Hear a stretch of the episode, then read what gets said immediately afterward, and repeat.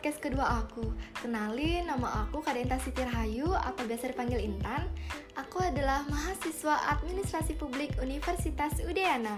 Di podcast ini aku mau sharing nih sama kalian mengenai isu body shaming. Ada yang tahu apa itu body shaming? Atau ada yang sudah sering melakukannya? Hayo.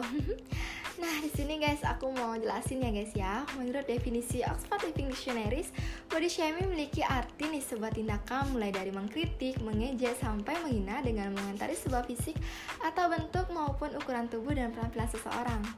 Kemudian ada beberapa penyebab nih yang menjadi faktor seseorang melakukan body shaming yaitu yang pertama ada kultur patron klien adalah orang yang di atas atau mempunyai harta yang lebih memiliki ketenaran dan memiliki kekuasaan untuk bisa melakukan apa pun yang diinginkan. Lalu yang kedua ada patriarki yaitu ketika seorang perempuan melakukan sebuah lelucon atau bercandaan cenderung mengarah kepada tubuh seperti gendut, kurus, kulit hitam, pendek atau tinggi dan lain sebagainya.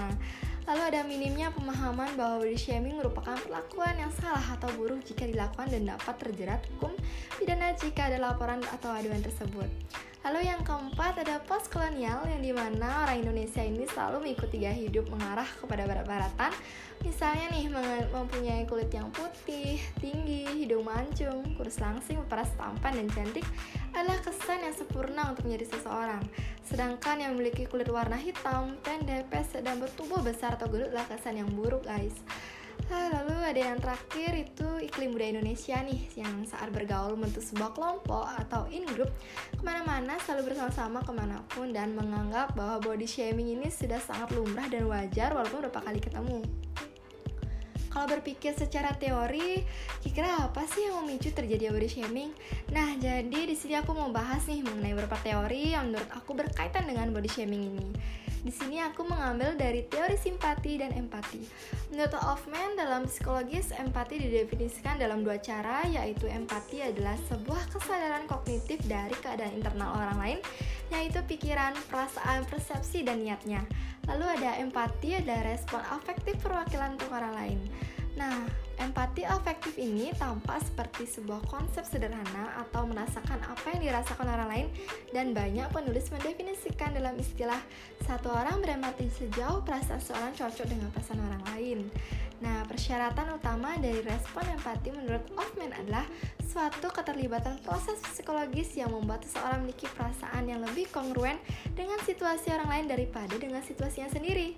Lalu kemudian ada Hoffman menyebutkan juga beberapa faktor yang mempengaruhi seseorang dalam menerima dan memberi perasaan empati yaitu ada sosialisasi untuk membentuk suatu suatu perilaku dapat dengan cara memberikan informasi tentang pengertian dan pentingnya perilaku tersebut. Lalu ada mood dan feeling seseorang dapat berinteraksi dengan baik kepada orang lain jika mood dan feeling mereka dalam perusahaan yang baik juga. Nah, lalu ada perilaku, yaitu sebuah perilaku dapat berbentuk sebuah proses belajar dan ada situasi dan tempat. Seseorang yang sedang dalam situasi sibuk maupun nih tergesa-gesa, kemungkinan orang tersebut tidak mempunyai waktu untuk berempati dan apabila seseorang berada di tempat keramaian, maka mempengaruhi orang tersebut untuk berempati. Komunikasi dan bahasa ini juga seseorang dapat menerima perasaan empati melalui sebuah komunikasi dan bahasa.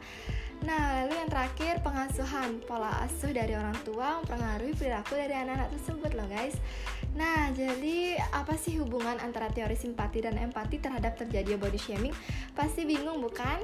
Baik, di sini aku mau jelasin nih guys sama kalian apa hubungannya ya. Jadi, pada intinya terjadinya nih body shaming dapat terjadi ketika simpati dan empati seseorang terhadap orang lain mulai menghilang atau dalam bahasa sederhana dapat dikatakan bahwa Orang yang sudah tidak ada rasa simpati dan empati terhadap orang lain akan ada kemungkinan melakukan body shaming tanpa adanya bersalah. Nah, sekarang teman-teman sudah paham bukan? Jadi, kesimpulannya body shaming itu terjadi nih karena kurangnya rasa empati seseorang terhadap orang lain dan juga dipengaruhi oleh beberapa faktor utama yaitu status sosial, perbedaan gender dan ras, minimnya pengetahuan mengenai body shaming, iklim kolonial, dan berada dalam pergaulan. Jadi segitu aja dulu guys ya. Terima kasih dan BTW makasih yang udah dengerin podcast aku sampai selesai. Jangan lupa di like, di komen, di share ya. Semoga bermanfaat. Terima kasih guys.